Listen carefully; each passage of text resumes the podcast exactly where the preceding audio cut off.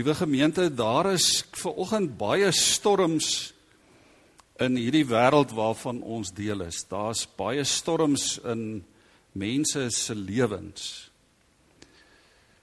Miskien kan ons wat ver oggend hier saam is ook daarvan getuig, né? Dalk sit hier ver oggend een of meer van ons met die een of ander soort van storm wat op hierdie stadium deel is van jou lewe.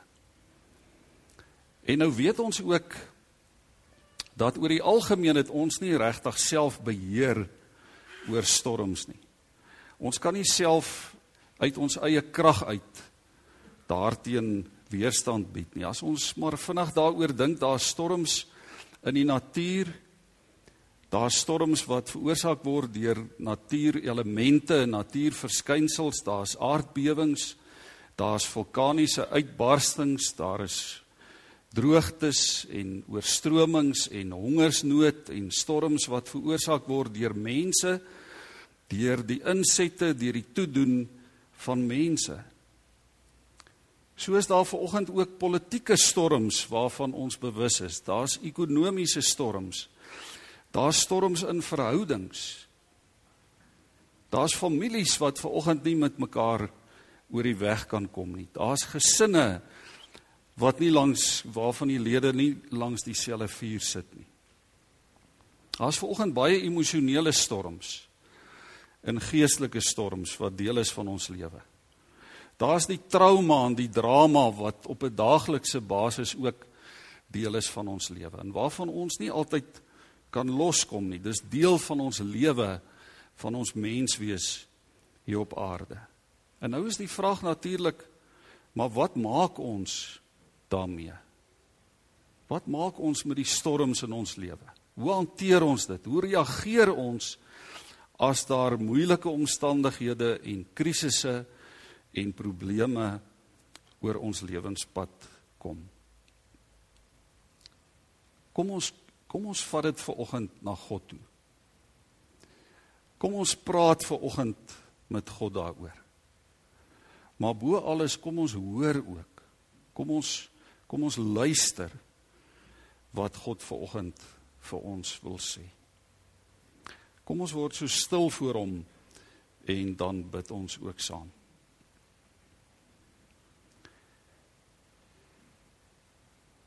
Here, dankie dat ons vanoggend as gelowiges kan weet dat U die God is van die storms.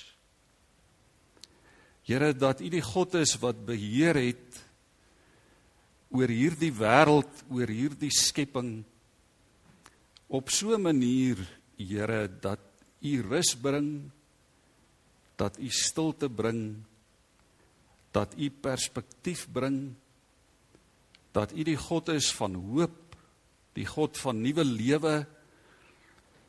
Ja, Here, die God van vrede. Die God wat ver oggend ook in die groot genade in die groot liefde hier by ons teenwoordig is. Dankie Here dat U hierdie skepping, hierdie aarde, die mensdom nie aan ons eie lot oorlaat nie. Dankie dat ons dit kan weet en dat ons dit kan glo. Maar Here, vanmôre bely ons ook dat ons nie altyd leef soos mense wat weet dat U in beheer is nie. Here ons sing oor u beheer in ons lewe. Ons sing wonderbare Heer, u is in beheer. En tog neem ons so maklik dinge in ons eie hand. Tog probeer ons self deur ons eie krag en ons insig Here om ons omstandighede self te hanteer. Here vanoggend wil ons bid dat u vir ons leer uit u woord En Here dat U verheerlik word deur ons saam wees ver oggend hier. Amen. So die die vraag vir oggend is wat maak jy en ek met die storms in ons lewe?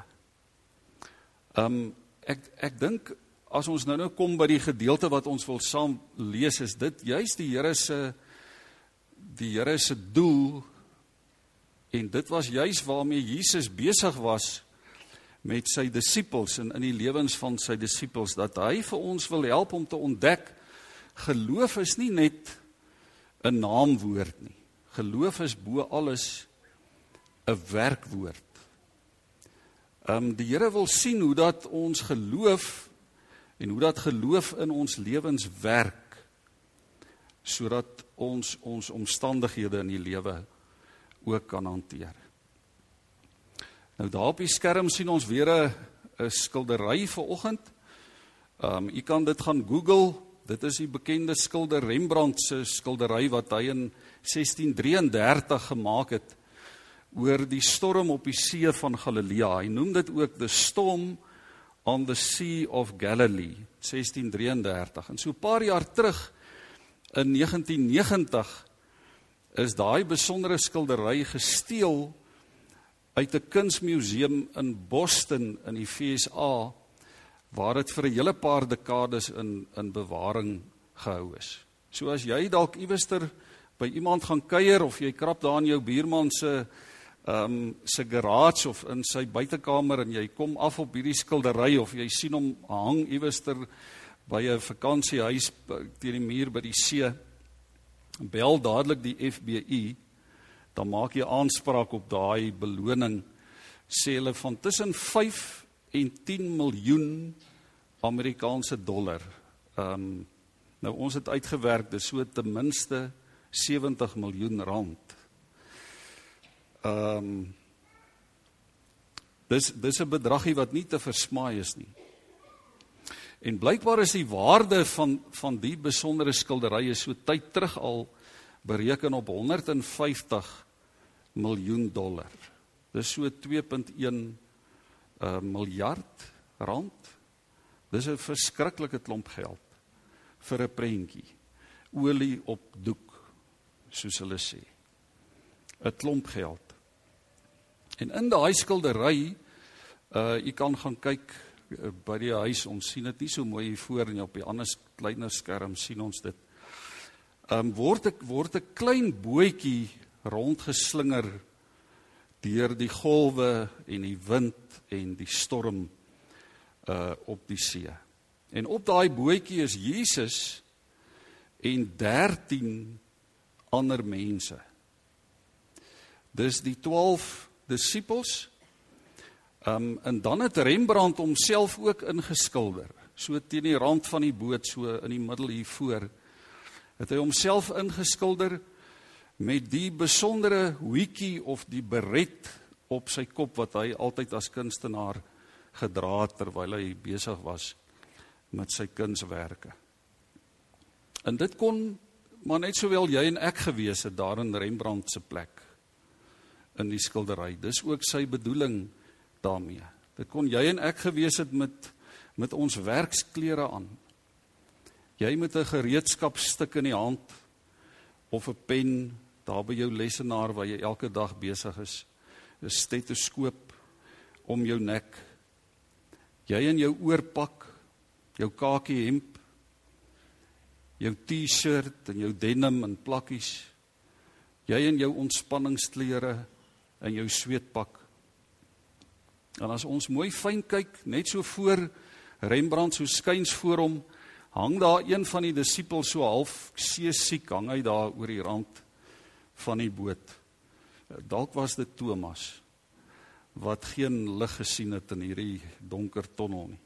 En opvallend is dit as mens mooi kyk na die skildery dat een groep van die disippels nogal die meerderheid van die 12 kyk weg van Jesus af.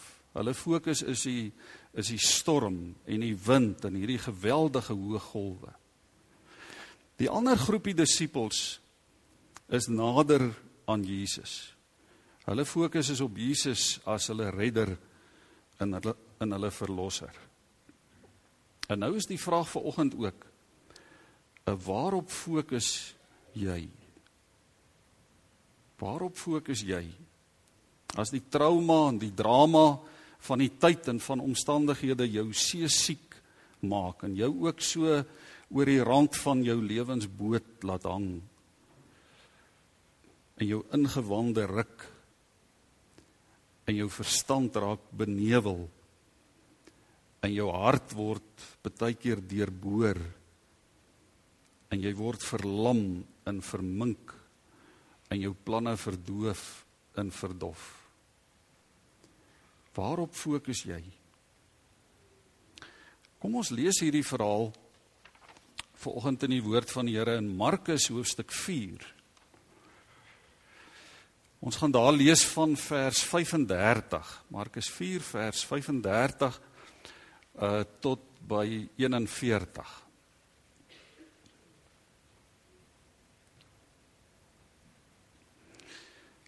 Laat daardie middag sê Jesus vir sy disippels: "Kom ons vaar oor kant toe." Hulle toe die mense wat daar was daar laat bly en hom saamgeneem in die skei waarin hy gesit het. Daar was ook nog ander skuite by. Skielik het daar 'n groot storm losgebars en die golwe het in die skei geslaan sodat die skei al begin vol word het. Jesus het op die bank in die agtersteewe gelê en slaap. Hulle maak hom toe wakker en sê vir hom: "Meneer, gee u dan nie om dat ons vergaan nie?" Toe staan hy op en bestraf die wind en sê vir die see: "Hou op, bedaar." Die wind het gaan lê en daar het 'n groot stilte gekom.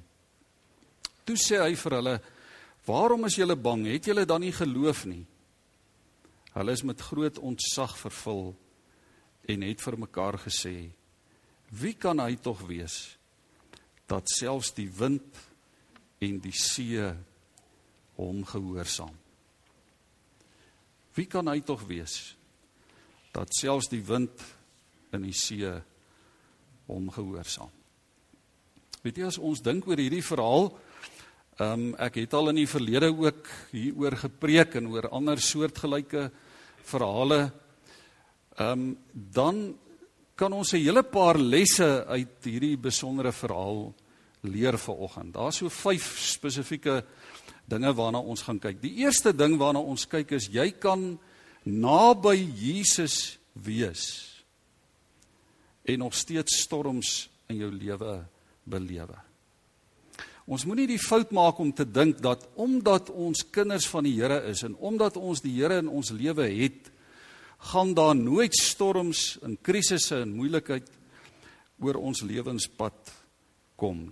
Ons moenie dink ons is daarom immuun teen probleme en teen die krisisse van die lewe nie. Dit kan jou skielik tref sonder enige waarskuwing. Ons lees daarvan op verskeie plekke in die in die woord ook. 1 Petrus 4 vers 12 stel dit mooi. Moenie verbaas wees oor allerlei pynlike beproewings waaronder jy moet ly nie. Dis nie iets vreemds wat met julle gebeur nie. En dan sê Paulus as jy ly omdat jy 'n Christen is, moet jy nie daaroor skaam wees nie. As draer van daardie naam moet jy God verheerlik. daarmee sê Paulus eintlik as Christen moet dit vir jou 'n voorreg wees of 'n geleentheid wees as jy ly. En as jy swaar kry, want dit moet vir jou 'n getuienis geleentheid wees. Dit moet vir jou 'n geleentheid wees om te getuig oor die een wie se naam jy dra as Christen oor Jesus. So Christene ly ook En soms ly jy juis omdat jy 'n Christen is. Boonbehalwe die waarskynlikheid van die algemene trauma en die algemene drama van die lewe, gaan jy ook swaar kry. Jy gaan beproef word spesifiek omdat jy in Jesus glo. Kom ons sien hierdie hierdie prentjie in ons gedagte van hierdie klein bootjie daar in die storm. Dink net so daaroor. Golf na golf spoel letterlik oor hierdie boot. Die weer dreun, daar's daar's weerligstrale in die lug. Is 'n geweldige storm. Jy kry dit skaars reg om kop bo water te hou. Jy skep skaars asem, dan tref die volgende golf jou al. Um dit het my sommer laat dink aan die aan die storieetjie van 'n man die man op die plaas wat weggehardloop het vir 'n bil wat hom gestorm het. En die man hardloop terwyl hy so voor die bil uithardloop, sien hy 'n gat in die grond en hy spring binne in die gat. En die bil storm verby en dadelik spring die man weer uit die gat uit. En die bil sien hom en draai weer om en hy storm weer en die man spring weer in die gat in en die bil is weer verby en hy sien in die man klim dadelik weer uit en dit het 'n hele paar keer so gebeur. Die bil storm, die man spring in die gat en hy spring weer uit en die bil storm weer tot iemand vir die man skreeu: "Maar bly net lank genoeg in daai gat totdat die bil heeltemal weg is." En die man antwoord so benoud terug: "Maar jy verstaan nie, hier's 'n pofadder saam met my onder in hierdie gat." Uh baie keer voel dit vir ons so, nê. Miskien voel dit vir die boere so. Dis nou maar 'n voorbeeld waaraan waaraan ek gedink het. Miskien voel dit vir die boere so, nê, te midde van produksiepryse en dit wat gebeur in die natuur. Baie boere sê maar die patrone in die natuur lyk nie meer soos in die ou tyd nie.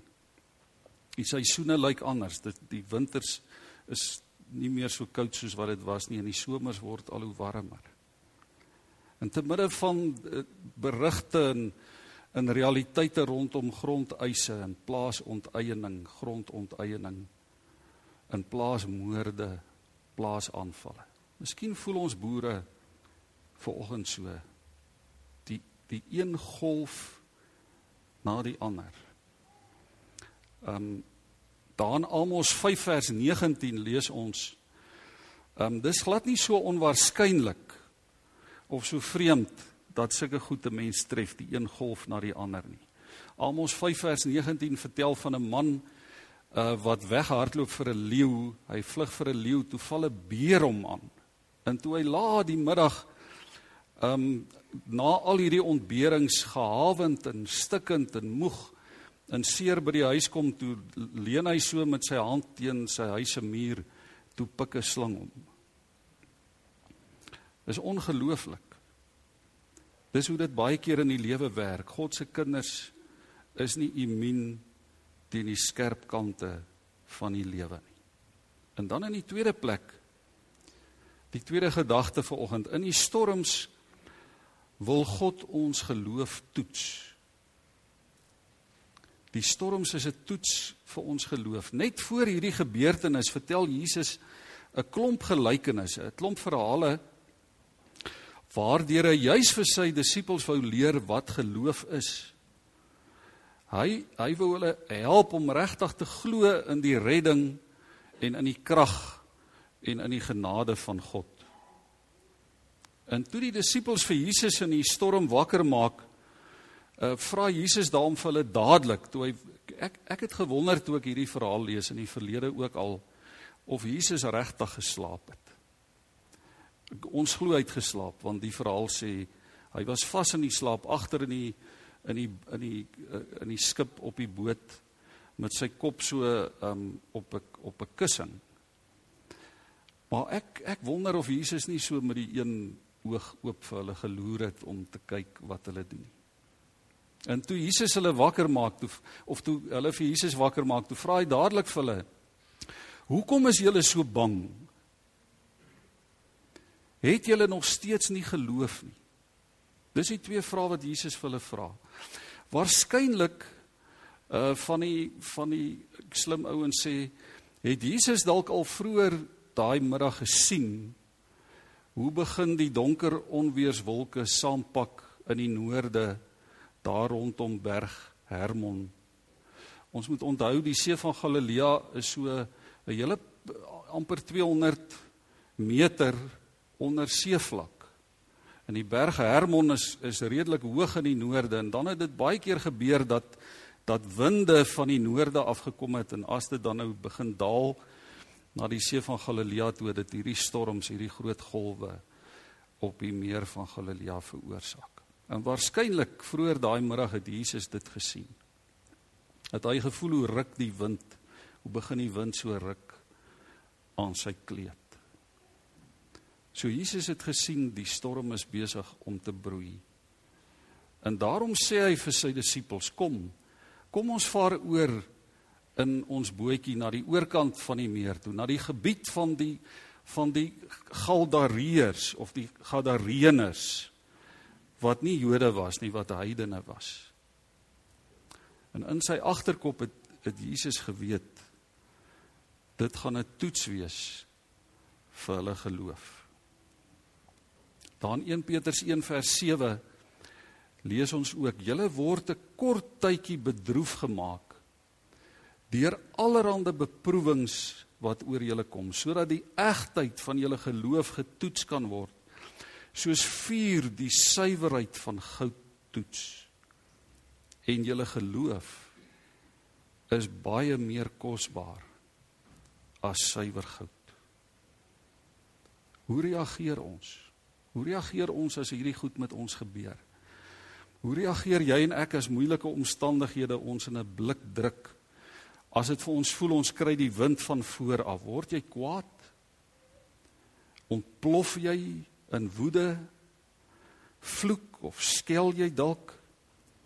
Begin jy dadelik menslike planne maak? Gee jy ander die skuld? Dalk vir God, dalk sê jy dis God se skuld. God moes iets kon gedoen het. Watter kierie gryp jy en ek om om in sulke omstandighede vir ons gelukkig en regop te hou? En soms weet ons laat God mense in ons lewens ook toe wat ons beproef nê. Mense wat ons verkeerd opvryf. En ons weet dat God hulle liefhet. En ons weet dat ons hulle ook moet lief hê soos wat God hulle liefhet. Maar ons kry dit net nie reg nie. Ons kry dit net nie reg nie. Wat van deernis, wat van geduld soos wat Jesus gehad het. In die storms wil God ons geloof toets. En dan die derde gedagte, storms dwing ons na God toe. Dit dwing ons nader na die Here toe. 1 Petrus 5 vers 7, daai bekende woorde sê ook werp al julle bekommernisse op hom want hy sorg vir julle. Die disippels gaan maak vir Jesus wakker. Ehm um, eintlik sê dit iets oor oor 'n oor 'n tikkie geloof in hulle harte, né? Hulle gaan maak dadelik vir Jesus wakker.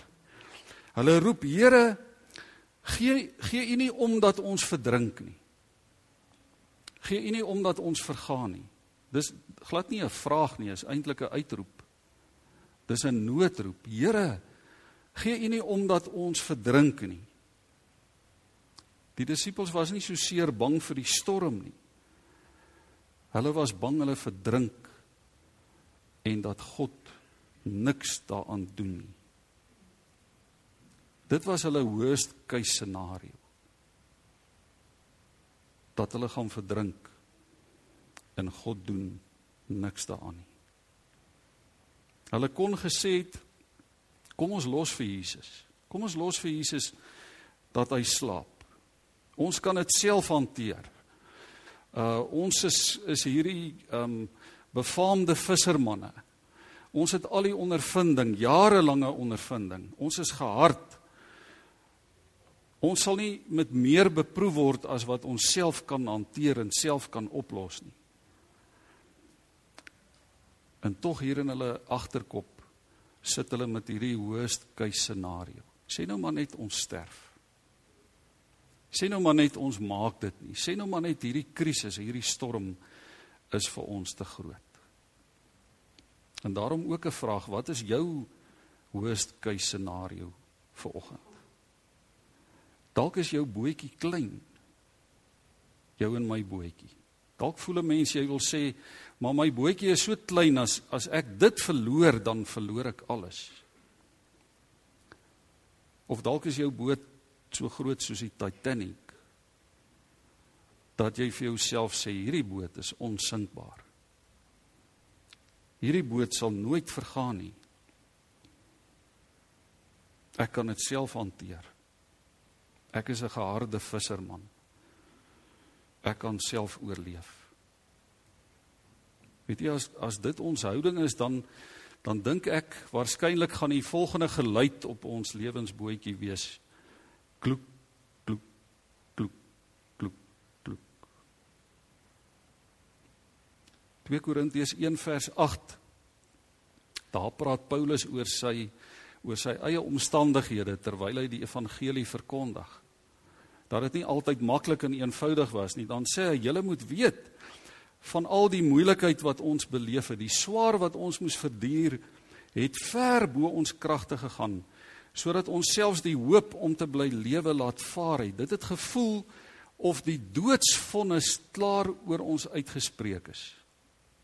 Dalk het dit vir die disippels so gevoel. Maar dit het gebeur sodat ons nie op onsself sou vertrou nie, maar op God. Dis die groot geheim. Sodat ons vir Jesus kan wakker maak. Sodat ons na Jesus kan roep.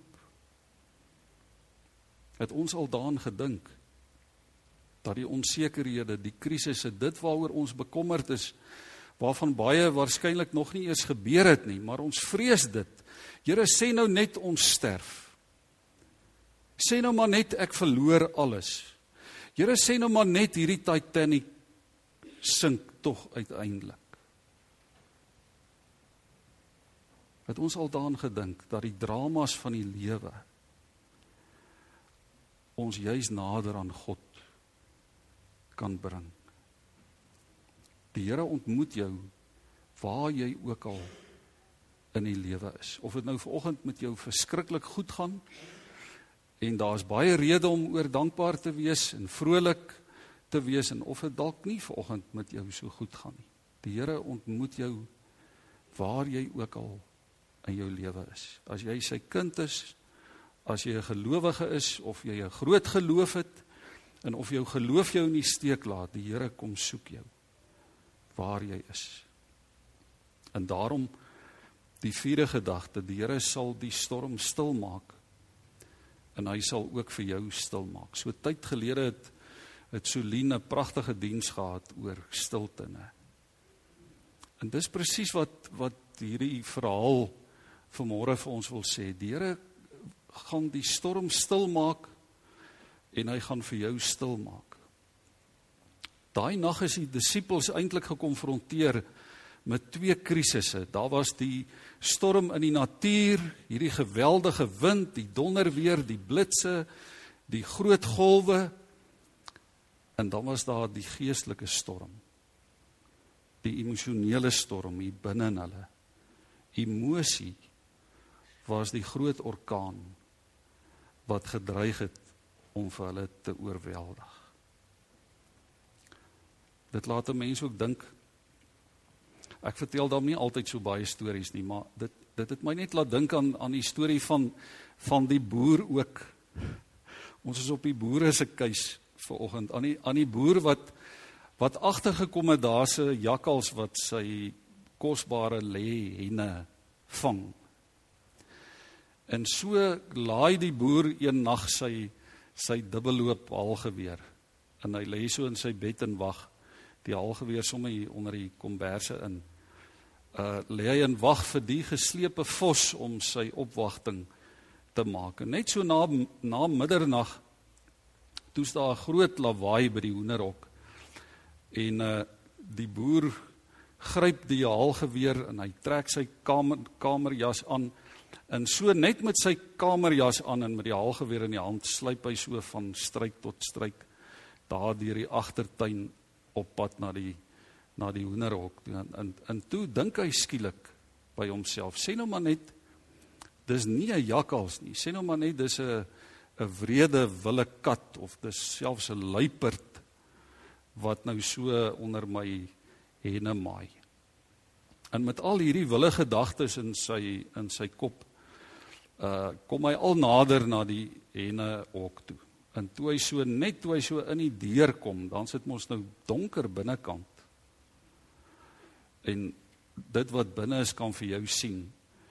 Net toe hy so in die deur is, toe kom sy getroue uh hondwagter van agter af en en hy lek met sy koue nat snoet so in die boer se bobeen hier onder die japon in in kabam daar gaan die skoot af en nodeloos om te sê daai nag het, het 9 van daai kosbare legon henne met hulle lewens betaal.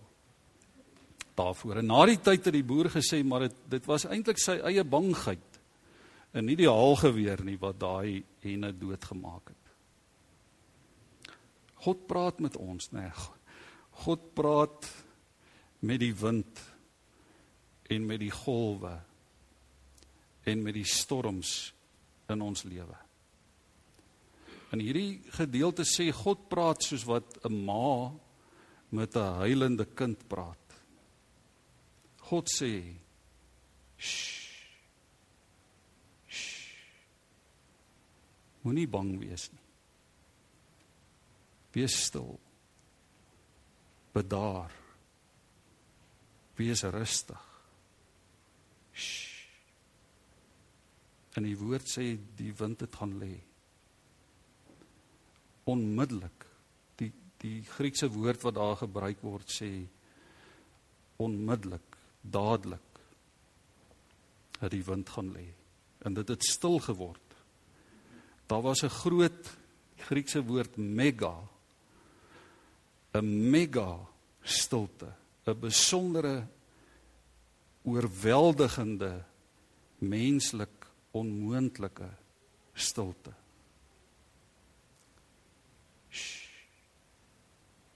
Wees stil. Wees kalm. Wees rustig. Bedaar.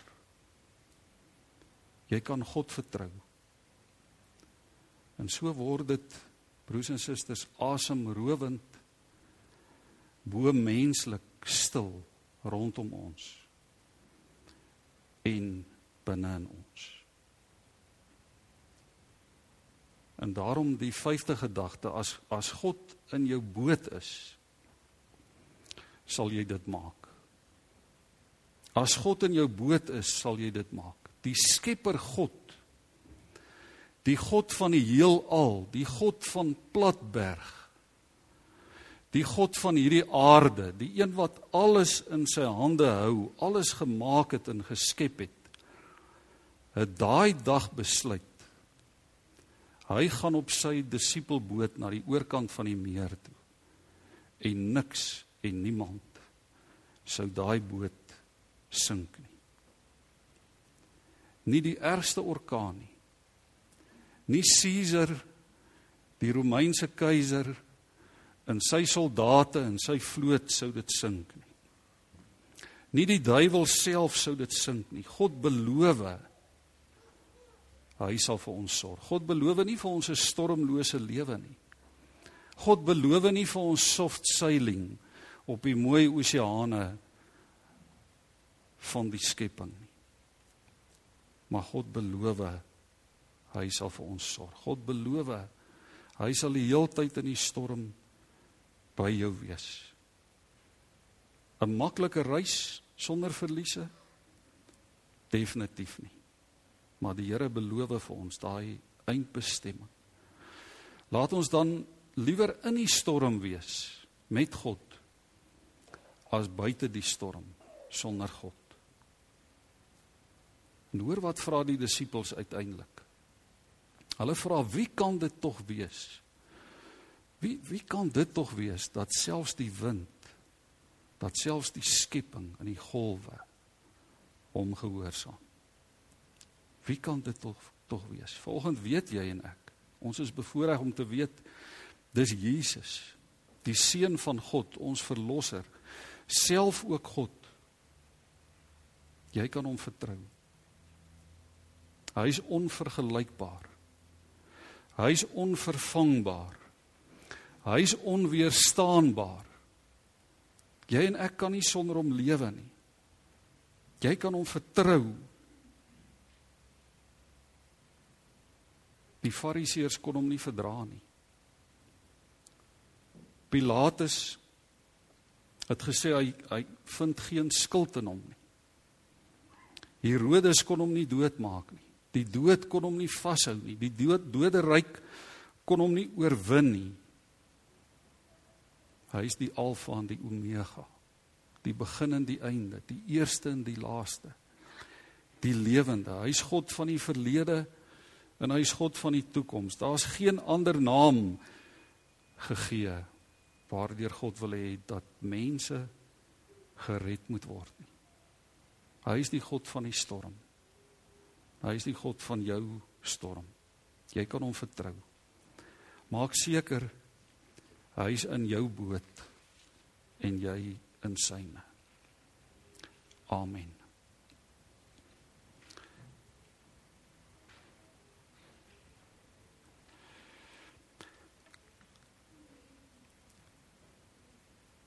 Here, U is die lig vir die wêreld. U is die deur. U is die ingang vir die skape. Ja Here, U is die goeie herder. U is die opstanding en die lewe.